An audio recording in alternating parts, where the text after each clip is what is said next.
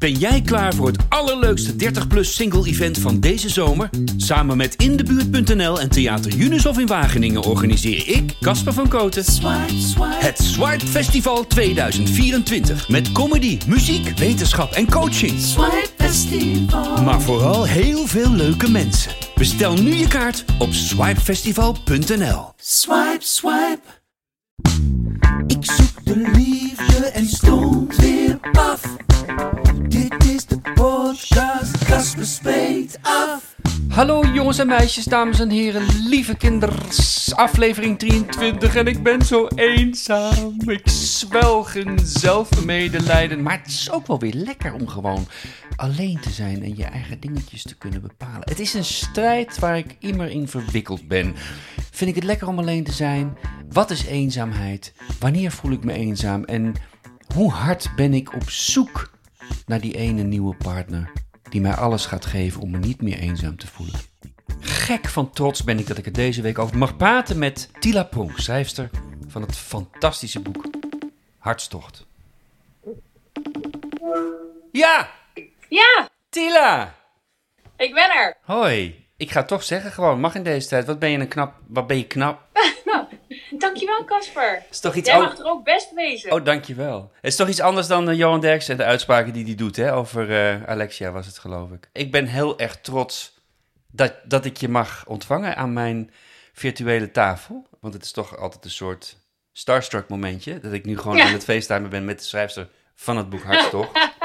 nee, maar je bent ook zo benaderbaar. Dat is ook zo fijn, weet je wel. Dat, dat is... Dat is eh, ehm, eh, nog weer, en dan hou ik op met veren hoor, maar eh, want dan moet je ook vooral over Ga nou maar, ik vind het heerlijk. Laat me komen. universitair hoofddocent ook nog. Ehm, gepromoveerd en eh, nee, het, het, is, het is een fantastisch, het is een heel fijn boek. En ehm, ik, vind het, ik vind jou ook een leuk persoon om te volgen en te zien hoe je er middenin stapt. Je bent, je bent behoorlijk assertief. Mensen kunnen niet om je heen en dat vind ik ook heel goed, want het is... eh, eh, vinden wij met de podcast ook, vind ik met de podcast ook eh, de belangrijkste materie die er is. De liefde en de relaties. Ja, En het onderhouden ervan en het zoeken naar jezelf erin. Ehm, en eigenlijk wil ik maar meteen met een, wa- waar ik bij het lezen van je boek meteen een traantje van geluk of van herkenning bij kreeg, was de scène uit Castaway met Tom Hanks. Mhm. Voor de mensen die het niet gezien hebben, de, de luisteraars, die film is alweer een behoorlijke tijd eh, geleden dat die uitkwam. Maar ehm, hoe jij dat omschrijft, dat die, dat die over, over eenzaamheid, hè, over wat het, wat, wat het doet met een mens, gewoon ehm, in de breedste zin van het woord, als die alleen is. En, en dat Ja. in die film een scène zit dat hij dan, dat Tom Hanks dus in de rol die hij speelt, een, eh, een sch- eh, sch- eh, schipbreuk leidt hij, onbewoond eiland. ja. Heeft een, een volleybal van het merk Wilson. En hij noemt die bal, gaat hij langzaam zien als persoon. En, eh, ja noemt- dat wordt zijn vriend. dat ja. wordt zijn vriend. Bij gebrek aan. Ja. En ehm, vervolgens ga je in een hele mooie, eh, eh, eh, logische kronkel naar wat, wat, wat eenzaamheid met mensen doet. Mensen die opgesloten zijn, in isoleercel zitten. En eigenlijk heb je me dan meteen bij de strot en bij de kern eh, van wat eenzaamheid is. En nou spraken wij Ja. elkaar van de week. Dit is even nog weer een langere introductie. Het is niet dat ik nu je hele boek ga vertellen aan jou. Maar ik ben op zich een beetje op de hoogte van wat er gebeurt. Precies, jij kent het einde. Ja, ik ben het einde. Ik weet het afloopt. Eh, maar maar ik, ik, ik, ik bleef een beetje hangen met, het, eh, eh, met in het achterhoofd ons gesprek nu. En daarmee ook gelijk het thema voor deze aflevering: eenzaamheid. Ehm, in in, in die, dat eerste hoofdstuk van jou, waarin, waarin je eh, vertelt wat, wat isolatie met mensen doet. En dat mensen zelfs, die vond ik ook heftig, eh, bereid zijn om Ku Klan aanhangers te sympathiseren als persoon, als ze maar niet eenzaam hoeven te zijn. Dus dat ja. hè, mensen. Ja. Dat zijn echt eh, de effecten van buitensluiting. Dus dat het zelfs heel naar voelt als jij buitengesloten wordt door een clubje mensen die je veracht, waar je helemaal niet bij wil horen. Maar toch, als die je buitensluiten, dat zit zo diep geworteld in de mens, omdat eh, dat is echt een, een, een grote angst. Wij zijn groepsdieren. Dus eh, afwijzing, eenzaamheid, alleen zijn. ja, dan gaat gewoon eh, het, de alarmbellen af in ons lijf, in ons oerbrein. Want dat, dat kan niet. We kunnen niet alleen overblijven, dan overleven we het niet. Ik moet gelijk het verschil tussen honden en katten moet ik ineens onwillekeurig aan denken. Dat honden altijd om een eitje komen vragen, ook al worden ze geslagen, maakt niet uit. Vind mij alsjeblieft lief. En katten toch iets, iets beter hun kontje je toe kunnen keren en denken, nou, het zal wel, ik kom morgen wel terug. Hè? Dat is... Dus... Precies, ja, wij zijn echt hond, we zijn echt meer honden dan katten wat dat betreft. Daar zullen niet alle mensen het mee eens zijn of blij mee zijn. Maar uh, ja, dat is, dat is hoe wij uh, ja, biologisch voorgeprogrammeerd zijn. En ik denk dat we dat uh, allemaal ook moeten gaan omarmen. Want als je daar tegen in verzet komt, heb je eigenlijk alleen jezelf mee. Ja, vaak komen, komen mensen, kan ik me voorstellen, gedwongen in verzet, omdat de relatie ophoudt. En, ja. en ik moet eerlijk zeggen dat ik mezelf wel in de categorie katten schaal vaak. Ik kan, mm. ik kan heel goed alleen, dat roep ik ook uh, te pas en te onpas. Dat is ook zo, ik heb heel veel alleen gereisd. Ik ben nu alleen, in, wat de liefde betreft, al een tijd. Dat zal je ja. niet ontgaan zijn. maar, oh, vertel um, ons wat meer over. Ja, dat komt straks, dat komt straks. maar um, ik, ik heb ook geleerd in deze, sinds ik de podcast begonnen ben, heb ik ook geleerd dat, dat het best wel... Um, een doekje voor het bloeden is wat ik mezelf geef, dat ik steeds zeg dat ik goed alleen kan zijn. Snap je wat ik mhm. bedoel? Ja. Ik kan het ook echt wel. Maar ik zit nu ook echt wel in de fase dat ik gewoon die, die warmte in, in de allerbreedste zin van het woord om, van één ander persoon om me heen mis. Even los van, me, van mijn kind, want dat is natuurlijk, dat staat buiten kijf en dat, dat verandert alles. Tuurlijk, maar dat is ook een andere categorie natuurlijk, hè? Ja, ja. Dus, andere vorm. Dus, dus jij bent de mening toegedaan, wetenschappelijk onderbouwd, maar ook, ook vanuit jezelf. Want, want waar, waar is die. Waar is die uh, dat, sorry, laat ik mijn zin afmaken. Dat eenzaamheid uh, slecht is voor een mens. Dat het niet bevorderlijk is voor de gezondheid. Want je verwijst ook ja, naar. Dat is, dat is niet mijn mening. Dat is, een, een zeer, dat is ongeveer de, de meest uh, veel gerepliceerde, dus herhaalde bevindingen in de wetenschap. Ja. Als het aankomt op liefdesrelaties of relaties in het algemeen. Dat mensen die eenzaam zijn, dat die heel veel negatieve effecten op hun gezondheid bijvoorbeeld ervaren, zowel mentaal als fysiek. Dus mentale gevolgen zijn wat invoelbaarder. Bijvoorbeeld dat die mensen vaker ongelukkig zijn, depressieve gevoelens hebben, het leven niet zo zien zitten, minder plezier hebben. Maar het gaat dus ook echt uh, over onze fysieke staat. Dus ja, we worden er lichamelijk ziek van als wij geïsoleerd zijn van anderen, echt alleen zijn. Ja, ja ik las ook een een, een, een, een paar procentuele staartjes die je, die je dropte van dat mensen die in een gelukkig huwelijk zitten, 55% of zo ervan. Uh, nou, laat ik, laat ik het niet verkeerd zeggen, dat weet ik niet meer uit mijn hoofd precies. Maar dat mensen die eenzaam zijn, bijvoorbeeld veel vaker hartklachten hebben of psychische klachten dan ja. mensen die in een gelukkig huwelijk zitten. Hè? Ja, en, en sterker nog, dat eenzaamheid, een gebrek aan sociaal contact, is dus een belangrijkere voorspeller voor hartproblemen dan bijvoorbeeld roken. Ongelooflijk. Dat is, dat, dat is echt een van de bevindingen die voor mij echt de kern aanstippen. Want we weten allemaal natuurlijk hoe ongezond roken is. Het is ook niet bedoeld om roken te bagatelliseren. en ga allemaal weer roken, maakt allemaal niet uit. Nee, juist die, uh, dat sociale netwerk, dat is echt uh, zo belangrijk voor ons als mens om een gelukkig en gezond leven te leiden. Ja. Um, en daarom vind ik het ook eigenlijk onbegrijpelijk. Ben ik ook een beetje op een missie. En misschien daarom ook een beetje assertief en, en uh, veel. Nee, maar heel goed. Uh, ja, heel ik daar mijn best voor. Omdat ik het heel raar vind dat er niet veel meer aandacht voor is. Ook op politiek niveau. Uh, ook bijvoorbeeld het feit dat relatietherapie niet, in het, niet vergoed wordt. dat dat iets is wat je zelf moet betalen. Wat betekent dat de Lucky Few het daar naartoe gaan. En de meeste mensen dat niet kunnen opbrengen, logischerwijs. Je kan je vertellen dat dat uit, uit eigen ervaring dat dat nog steeds geen garantie is uh, dat het goed nee, komt. Nee, uiteraard niet. Uiteraard niet. Ik kreeg van dat, de... dat uh, wil ik ook. Ik wil het ook niet romantiseren. En ik denk ook, ik ben absoluut ook niet van de school van. Oh, de relatie, daar moeten we allemaal naartoe. En als je een relatie hebt, dan ben je gelukkig. Dat is ook absoluut niet waar. Uh, ik denk dat het ook heel gezond en goed is als mensen uit een relatie stappen die uh, niet constructief is, die, niet, uh, die ze niet brengt waar ze naar op zoek zijn. Dat is uh, heel, heel goed en heel fijn dat ja. een tijd leven waarin dat kan. Maar het, de behoefte aan sociaal contact is natuurlijk veel breder dan dat. Dus ook buiten een relatie kan jij sociale contacten vinden, hopelijk hebben, ja. die, ja. die je voeden. Die jouw precies, behoefte aan het contact voeden. Want dat is eigenlijk waar de podcast ook steeds meer naartoe morft, heb ik het, heb mm. ik het idee. En dat vind ik ook goed, dat vind ik ook leuk dat het helemaal niet meer alleen over het online daten en die ene klap en die grote verliefdheid, maar dat het eh, veel breder is. Het over communicatie gaat, over vriendschapsrelaties, familierelaties. eh, eh, daar, daar duik ik echt met, met, met, met drie armen open in, zeg maar. En, Ja. en, en dat is ook wat jij zegt, volgens mij. Even trouwens nog een leuke over relatietherapie. Ooit, back in the day, toen ik nog mijn huwelijk wilde redden, ging, kreeg ik van een vriend een tip voor een relatietherapeut. Ja, dat is een hele goeie. En ehm, eh, ga dat maar proberen. Maar ik moet er wel bij zeggen, ik ben uiteindelijk toch gescheiden. Dus ik weet niet of dat... maar even nog terug naar dat roken. Dus jij zegt niet, ga allemaal roken. Maar als je het dan toch wil roken, doe het niet alleen. Precies. Zorg dat je samen Nou ja, bent. een van de stellingen die ik bij mijn boek had geleverd was: je kan beter roken dan eenzaam zijn. Precies. Dus als je dan moet kiezen. En mijn studenten vinden dat een van de leukste stellingen.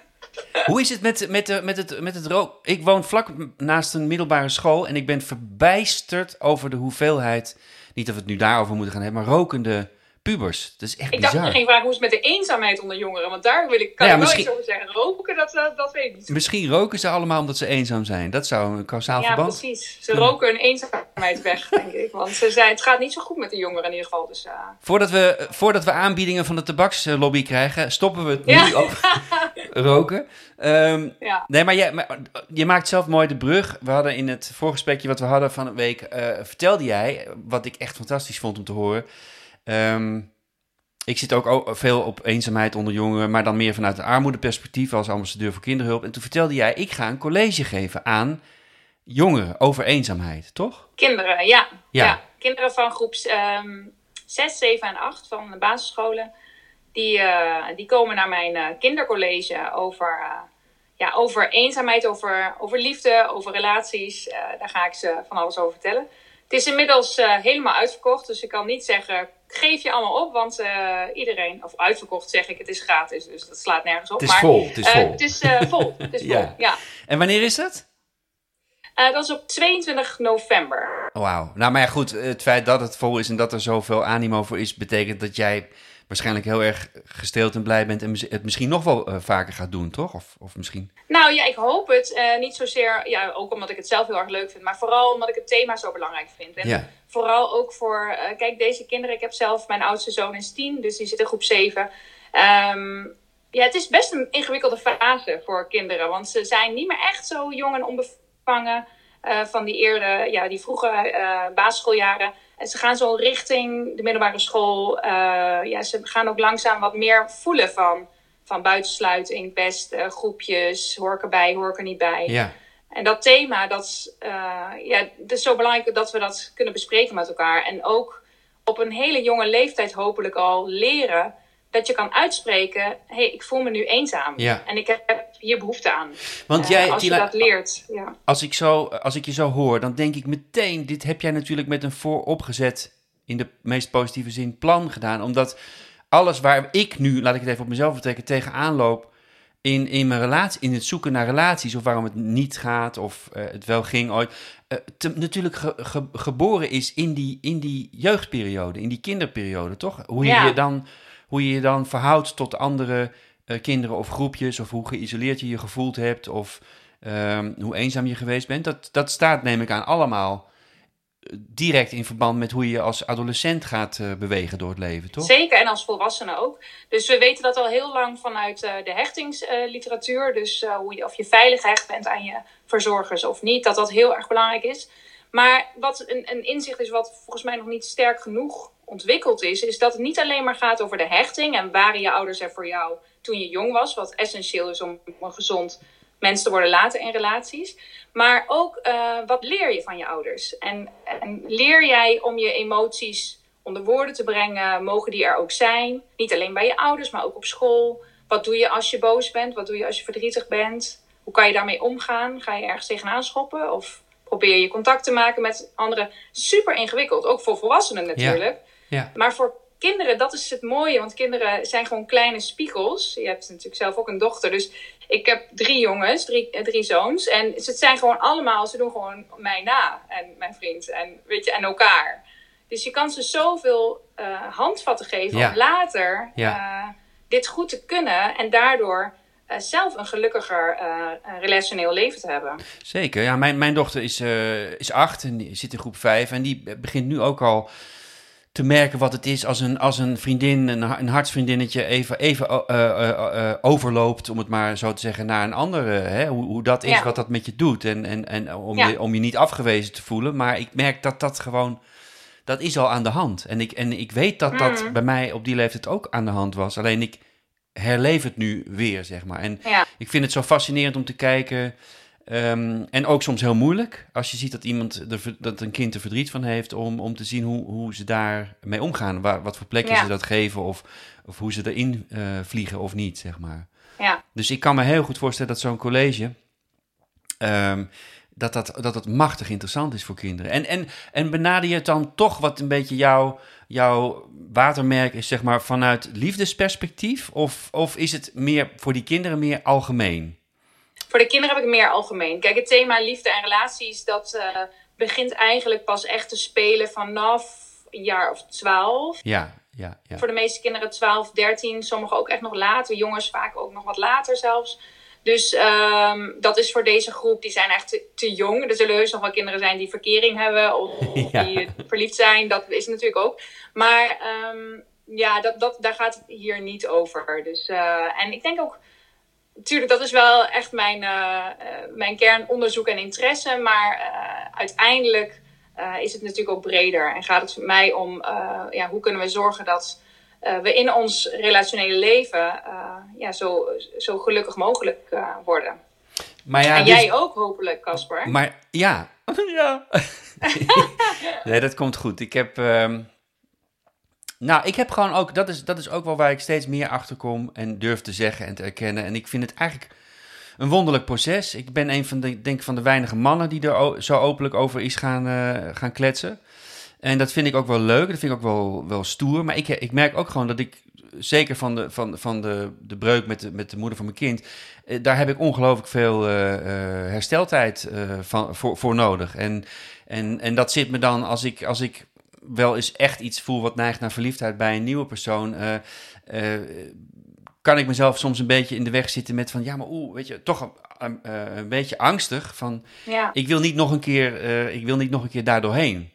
Ja. Eh, dus daar, heel daar- invoelbaar. Dat is de paradox hè, in, in de liefde. Dat, we kunnen alleen maar echt eh, in een liefdesrelatie eh, de vruchten plukken als we ons helemaal kwetsbaar maken. ja, En tegelijkertijd kan je dan natuurlijk ook de meeste klappen vangen. Dus Ja. dat is vooral in de beginfase van een relatie, is dat bijna een rationele afweging van ga ik daarin of niet.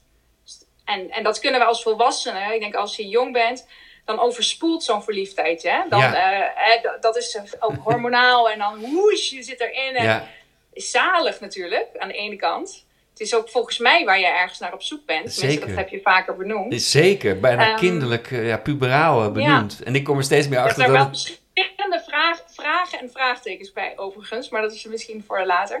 Nee, nee, heel Ehm, goed, stel ik- ze, stel ze. Want ik kom er ook steeds meer achter dat het nonsens is natuurlijk. Maar dat ik wel, ik, Ja, ik ja. vaar wel graag op hoop en... En, en eh, eh, iedere dag is, is, is, is een feest om te beginnen. En dat, is, ik, dat zit heel erg in mij. Eh, Ja. En ik, ik, ik, ik bedenk dingen van tevoren ook niet. Ik kan bijvoorbeeld... Ik heb nu met iemand gedate, nou, die kon voor de eerste afspraak kon, kon ze pas vier weken na, nadat we elkaar spraken. Ja, dan, dan denk ik, ja, dan ben ik. Dat, dan, dat, dat kan niet in mijn hoofd. Dan, weet je, Ja. als er dan iets is, dan moet het nu. Ik ben ook wel erg ongeduldig. Het is ook fijn dat jij de telefoon eh, opnam. Wat betreft. Anders was je gewoon naar de volgende gegaan. Ja, precies. Ja. ja. Maar ja, nee, maar goed, dat, die, die, die kopie die vind ik niet snel, denk ik, van jou. Maar, maar ehm, eh, ja, nee, dus dat dus, vertel, v- vraag of vertel of, of, of categoriseer mij eh, vooral. Ja, nou, ik, heb, ik heb bepaalde hypotheses. Ik ben natuurlijk een onderzoeker.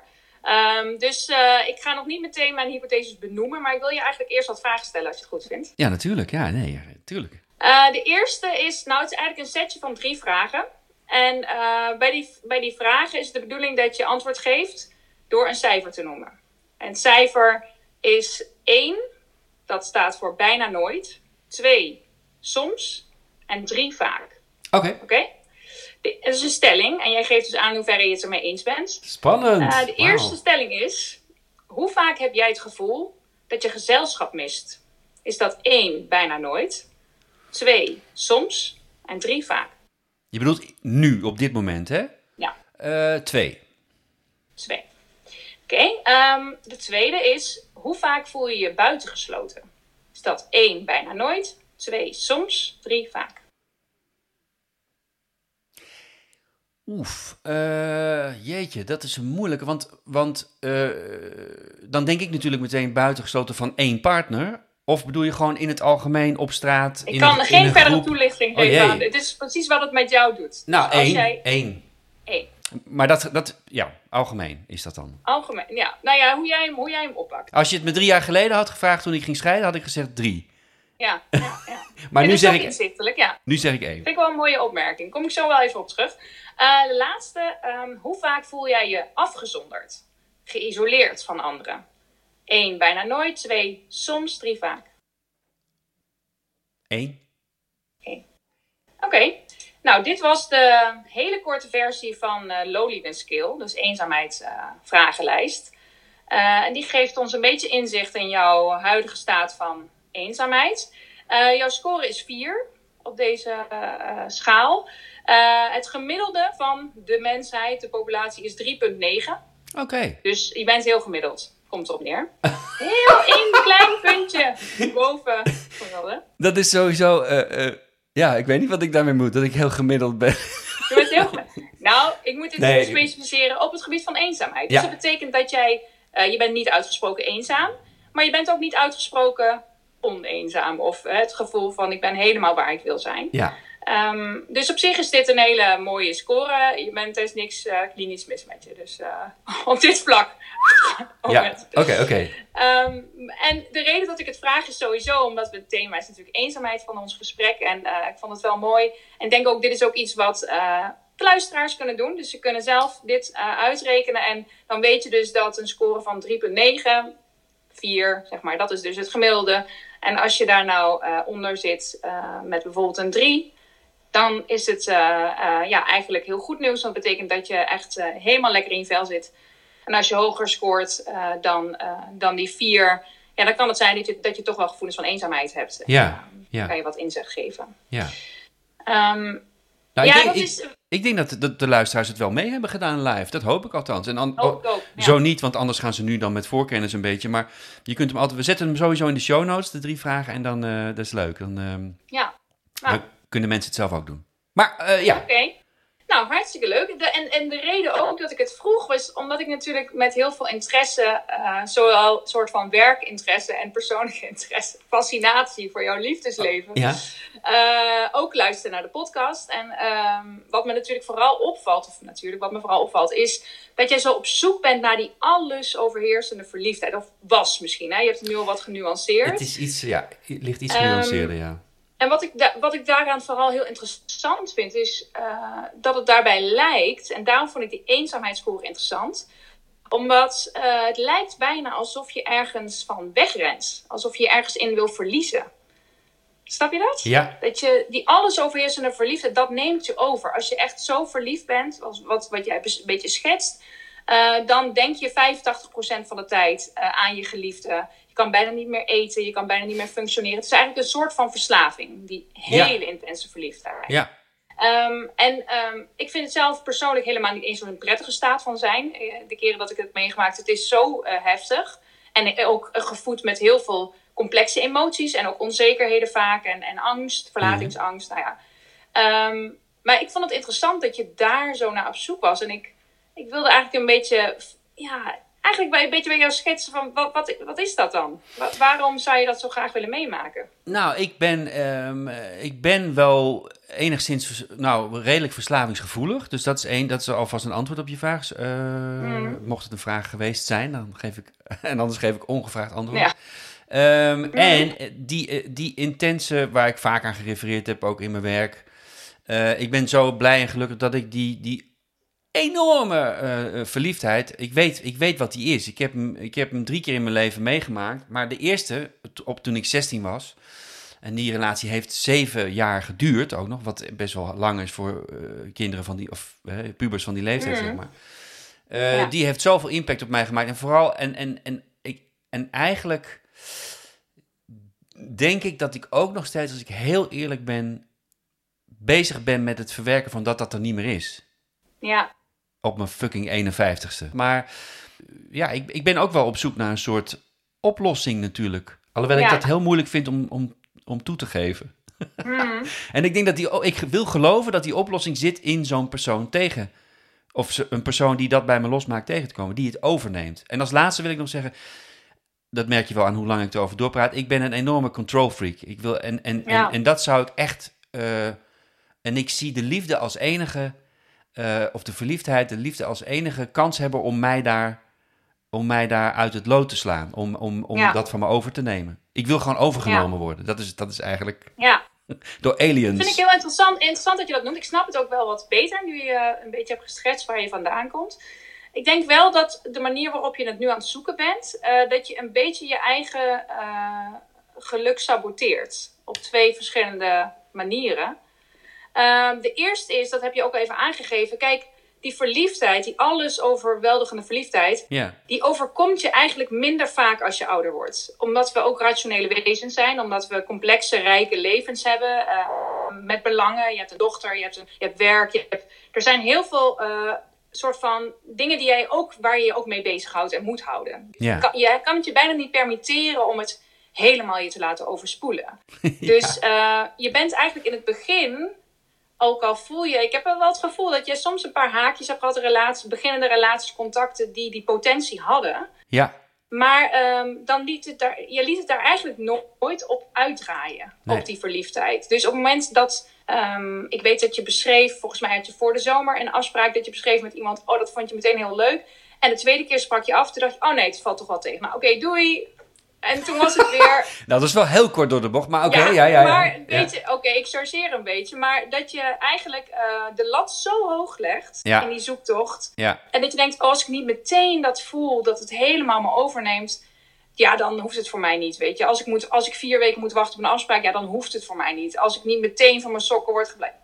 Dus ik denk dat, dat die, die verliefdheid waar je naar op zoek bent in deze fase van je leven, eh, is iets wat alleen kan gebeuren als je het de tijd geeft. Als je het zuurstof geeft, als je het langzaam laat uitgroeien. ja, En ehm, ik denk ook dat je. Je hebt eigenlijk twee soorten vormen van verliefdheid. Je hebt de verliefdheid die. Nou, ah, stel je voor je wil een vuur beginnen. Je kan dan een hele grote prop kranten bij elkaar gooien. En die kan je in de fik zetten. En dan heb je meteen heel veel vuur. En dat is meteen weer weg. dat ben ik, zeg maar. Dat wat Nou ja, nou, dat gevoel heb ik dus. Dat je dat zoekt. Ja. Een soort van grote prop papier die je in de fik wil zetten. En dan voel je even van, wow, wat is dit super vet. En dan blijkt er eigenlijk helemaal geen brandhout te zijn. Want er is helemaal geen basis. Zo goed lachen, ik zo beeldspraak. Ik zie mezelf ook alleen roken bij die fik. En eh, heel eenzaam, nee, ja, ja. En twee is rustig met En een... tweede is hoe, je een kampvuur, hoe we allemaal weten dat je een kampvuurtje moet bouwen. Namelijk, je zet even die blokken neer en je probeert zo'n vlammetje. Lukt niet, weet je wel. Is er een vlammetje? Nee, nee is toch geen vlammetje, Ja. weet je. Vonkje, oh, een klein vonkje, oh, is weer uit. Weet je. Uiteindelijk pakt hij en denk je, oh, dat is toch wel wat. Er komt wat warmte, er komt wat... Ja. hey, het begint een beetje... En zo bouw je ook een relatie. En dat is een duurzame relatie. En dat is de volgende vraag die ik eigenlijk voor jou had. Wat is voor jou belangrijker? Is die intense verliefdheid belangrijker of is een duurzame relatie belangrijk? Nee, nu echt de duurzame eh, relatie. En nu echt zeg ik, omdat ik weet waar ik, on- waar ik qua leeftijd en eh, mag alles goed gaan en gezond blijven ben. Eh, Dus dat is echt waar ik... Ik maak me er geen zorgen om. Of ik, ik heb nooit echt een gevoel van haast. Dat heb ik echt niet. Maar ik zoek wel naar die duurzaamheid. Iemand met wie ik oud kan worden, om het maar even plat Mhm. te zeggen. Ja, plat te slaan. Ehm, ja, ja, dat is het antwoord eigenlijk. Ik moet wel denken met alles wat jij zegt. Ik zit natuurlijk ook inmiddels met een behoorlijke grote groep luisteraars. Waar, waar ik vaak Ja. reacties van krijg. En vooral in het begin met de columns was het van... Ja, maar Casper, eh, waren de reacties... Je mag helemaal geen vriendin krijgen, want dan houdt dit op. En wij willen door. Dus dat, daar zit ik ook nog een beetje mee. Ik heb nog steeds niet de boel belazerd... dat ik stiekem al vier maanden verkering heb... Maar dat ik hier Ja. om maar door te gaan, dat is nog niet zo. Maar dat moment kan natuurlijk een keer komen. ja, En de andere, wat ik je ook nog wil vertellen, vind ik ook heel mooi. Dat sluit ook aan bij wat jij net zegt. Is dat ik ook echt wel veel mails heb gekregen van eh, mannen. Mannen ook sporadisch, maar vooral vrouwen die in een relatie zijn. En die zeggen, joh, we- ik herken zo goed. Ik heb al vijf jaar eh, weer, ben ik weer gelukkig. Maar ik herken zo goed waar, je aan, waar jij doorheen gaat nu. Maar heb vertrouwen, het komt goed. Dus die zeggen, ja. het is heel lief is dat, weet je. Die dan toch zeggen, eh, en ook vaak zeggen van, en ik heb hem weer gevonden, die allesomvattende verliefdheid Ja, ehm, eh, in die zin. Dus eh, dat is heel opgevend. Maar ja, linksom of rechtsom, die podcast moet doorgaan, dus ik mag eigenlijk niemand... nee. Heb ik natuurlijk heel slim... Ik heb, het is allemaal één groter plan, hè, waardoor ik geen keuzes hoef te maken en weg kan, weg kan rennen van mezelf. Dat is natuurlijk... ja, precies. Want ook wat je nu noemt is eigenlijk ook weer een soort van... Ja, ik heb toch wel het gevoel dat jij ook aan zelfsabotage doet. Want het feit dat je deze podcast maakt... geeft natuurlijk ook een heel mooie reden. Zeggen, ja, maar ik moet wel door met mijn zoektocht. Dus ik kan ook niet te lang kijken van of het met deze persoon wat gaat worden. Want dan, Ja. dan zit de luisteraar, die moet een nieuw verhaal. Ik moet meer juice Ja, komen. ja, ik ben eigenlijk gewoon Yvonne Kolderweijer, maar dan als man. En dan... Precies. Ja, dat is eigenlijk de samenvatting van ons gesprek. hey, bedankt hè. Je stuurt een tikkie, toch? ja, zeker. Nee, ontzettend leuk. En, en, en heb je, heb je met... Dit, dit was jouw laatste vraag van het, online, van het online onderzoekje wat wij nu doen. Maar ja, Komt dit daar- is, eh, komt dat, een- waren mijn, dat waren mijn vragen. Ja, en ik ook vooral om, eh, nou, om jou een beetje eh, beter te leren kennen in je zoektocht. En de luisteraars hopelijk ook. En hopelijk ook om je een beetje aan het denken te zetten van... hé, hey, welke vorm van liefde zoek ik? En als het niet meteen, en dat is ook iets wat ik heel vaak probeer uit te leggen... als het niet meteen vlamt, of het vlamt één keer wel en de volgende keer niet... dat is zo logisch. Zeg maar lust, aantrekkingskracht dat is natuurlijk wat we vooral voelen dan, eh, als het vlamt. Ehm, dat is van zoveel factoren afhankelijk. En ehm, vooral in die eerste datefase, als je denkt... hey, vorige keer vond ik eh, hem of haar heel erg leuk... en nu denk ik toch een beetje moi...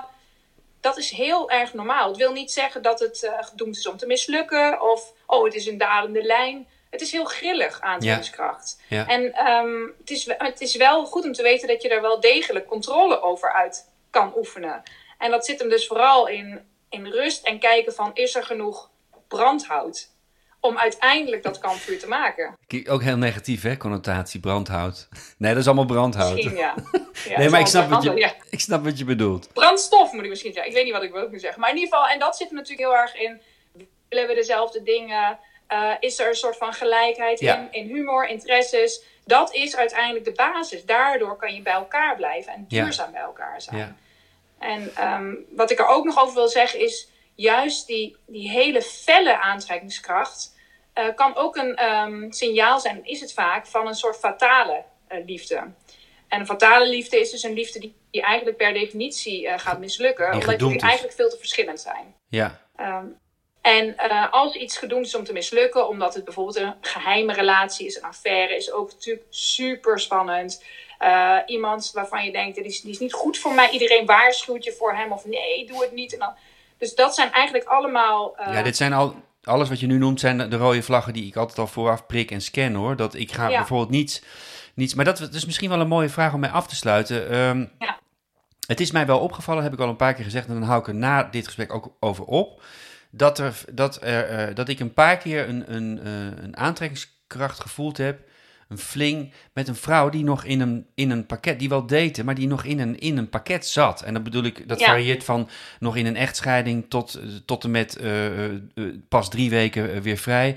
Het viel Ja. mij op, heb ik het met Tatum vorige week ook nog over gehad. Zij dropte ineens, ja mannen die willen altijd al iemand anders voordat ze uit elkaar... Ik zeg, oh, wacht even, van mijn kant, het is, het is me Ja. echt op, opgevallen.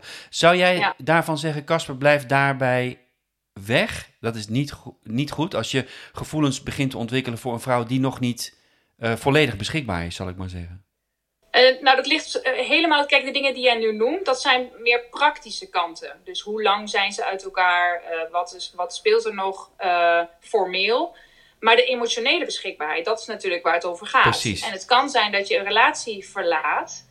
waarin je eigenlijk al vijf jaar geleden afscheid van elkaar hebt genomen. Ja. Maar de scheiding is nog niet formeel rond. Weet Ja. je? Ja. Dan is er geen enkele reden om die relatie eh, niet aan te gaan. Om het want niet te onderzoeken. Emotioneel is het, is, het, is het afscheid al lang geweest. En ehm, dat is meestal zo. En ik hou niet zo van man-vrouw verschillen. Want ik denk dat, het, dat we allemaal eh, dezelfde fouten maken. Vind ik ook hoor. Dingen, eh, We praten in die podcast ook al veel te lang over man-vrouw, terwijl het gewoon Ja. genderneutraal en, en, en over alle seksen en, en geaardheden moet zijn. Dat is absoluut Ja. waar, ja. ja. Maar ik denk, wat, wat denk ik een hele belangrijke vraag is, ook misschien aan jou, maar ook aan iedereen met wie je date, is het, ben je, ren je ergens van weg? Of ben je ergens naar op weg?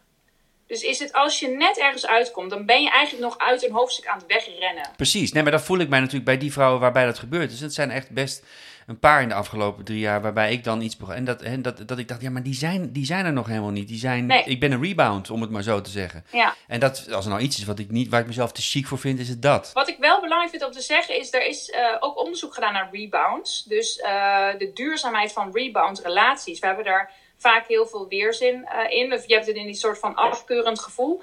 Maar ehm, er is geen enkel wetenschappelijk bewijs dat die relaties minder duurzaam zijn. Dus hoe lang je al uit elkaar bent met een partner, is eigenlijk geen enkele indicatie voor, ehm, voor je nieuwe relatie. Dus ook als je heel kort pas uit elkaar bent en je ontmoet een nieuwe liefde, kan dat nog steeds een hele succesvolle, langdurige liefdesrelatie Ah, oké, worden. juist. Ook al begint het als een rebound. Eh, dus het is, wel zonde om meteen die hele categorie aan de kant te schuiven en te zeggen van dat heeft toch geen zin. Want ik zal altijd een soort van tweede keuze of ik ben niet, niet een echt eh, eh, de, eerste, de eerste optie of eh, iemand is er nog niet klaar voor. Ja, ja. Ja, en het is terwijl de vraag natuurlijk, kijk, als die vergelijking ook expliciet gemaakt wordt, of je hebt het idee van ik ben een soort van eh, ja, ehm, het, het recept of het medicijn tegen die, die, die, die foute relatie of die relatie die is mislukt. Ja, dat moet je natuurlijk niet hebben. Je moet op jezelf kunnen zijn en jullie liefdesleven Ja. kan alleen slagen als het een verhaal op zichzelf Ja, is. Dus ja. dat het niet een verhaal is die een antwoord is op een ander verhaal. Wat in zekere zin altijd een beetje is in ons leven. We gaan altijd van het ene verhaal naar het andere natuurlijk. Maar eh, ja, je hebt gelijk. Je hebt recht op, op je eigen liefdesverhaal met die persoon. En, en eh, dat gevoel moet je wel krijgen.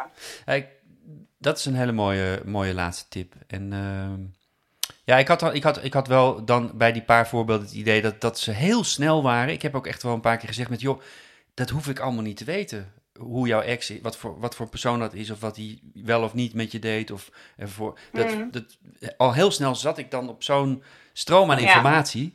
Terwijl ik dan denk, ja, dat, dat hoef ik helemaal niet te weten. En, ehm, Ja.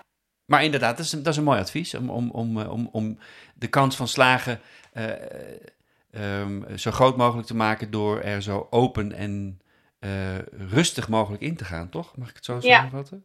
Ja, dat is het wel. Om het echt de kans te geven om te kijken, vat het vlam of niet? Ja, Om daar echt wat langer naar te gaan zoeken. ja. Jeetje, Tila, dit, moeten we, dit kunnen we eigenlijk elke week doen. En ook, eh, nee. Ja, dat kan zomaar. Maar eh, Zeker. ehm, ik, ik wil je ontzettend bedanken voor je tijd en voor je inzichten. En ehm, ik voel me een ander mens toch ook wel ergens. Soort, toch, Oh, wat een- goed. toch een soort online eh, consult wat ik hier heb. en Ja. meer dan dat. Ehm, heel interessant. Ik, ik lees, ik, ik, heb, ik ga het ook nog weer zeggen tegen de luisteraars. Ga allemaal Hartstocht van Tila Pronk lezen. Het is zeer de moeite waard. En ehm, jullie hebben nu gehoord waarom. Eh, ik, hoop je, ik hoop je snel te zien. Ik, ik, ik, Ja. ben, ik ben geen groep 6 tot 8 meer. En, en mijn kind is nog net 5. Dus 22 november komen we er helaas niet in. Maar Nee. misschien dan toch wel een andere keer. Want het lijkt me wel heel interessant om dat ook eens eh, te zien. Nou, hartstikke leuk Casper. Jij heel erg veel succes en, en eh, heel veel plezier in, eh, Dankjewel. in, je, in je zoektocht. En als het, als, het, eh, als het echt niet gaat, of ik denk het moet, dan, moet, dan, dan ga ik je bellen. En dan, eh, Ja, bel me. Je hebt mijn nummer, dus eh, je kan me altijd bellen voor advies. Jij ook, hè? Stel over muziek of weet ik veel. iets- Over iets- muziek, ja, ik wil een nummer produceren. Hoe pak ik het aan? Dan eh, bel ik jou. Oké. Dankjewel, hè? Yes, Fijne dag. doei. Doei. Dit was Casper's Take Off. Graag tot volgende week. Een date verstandig.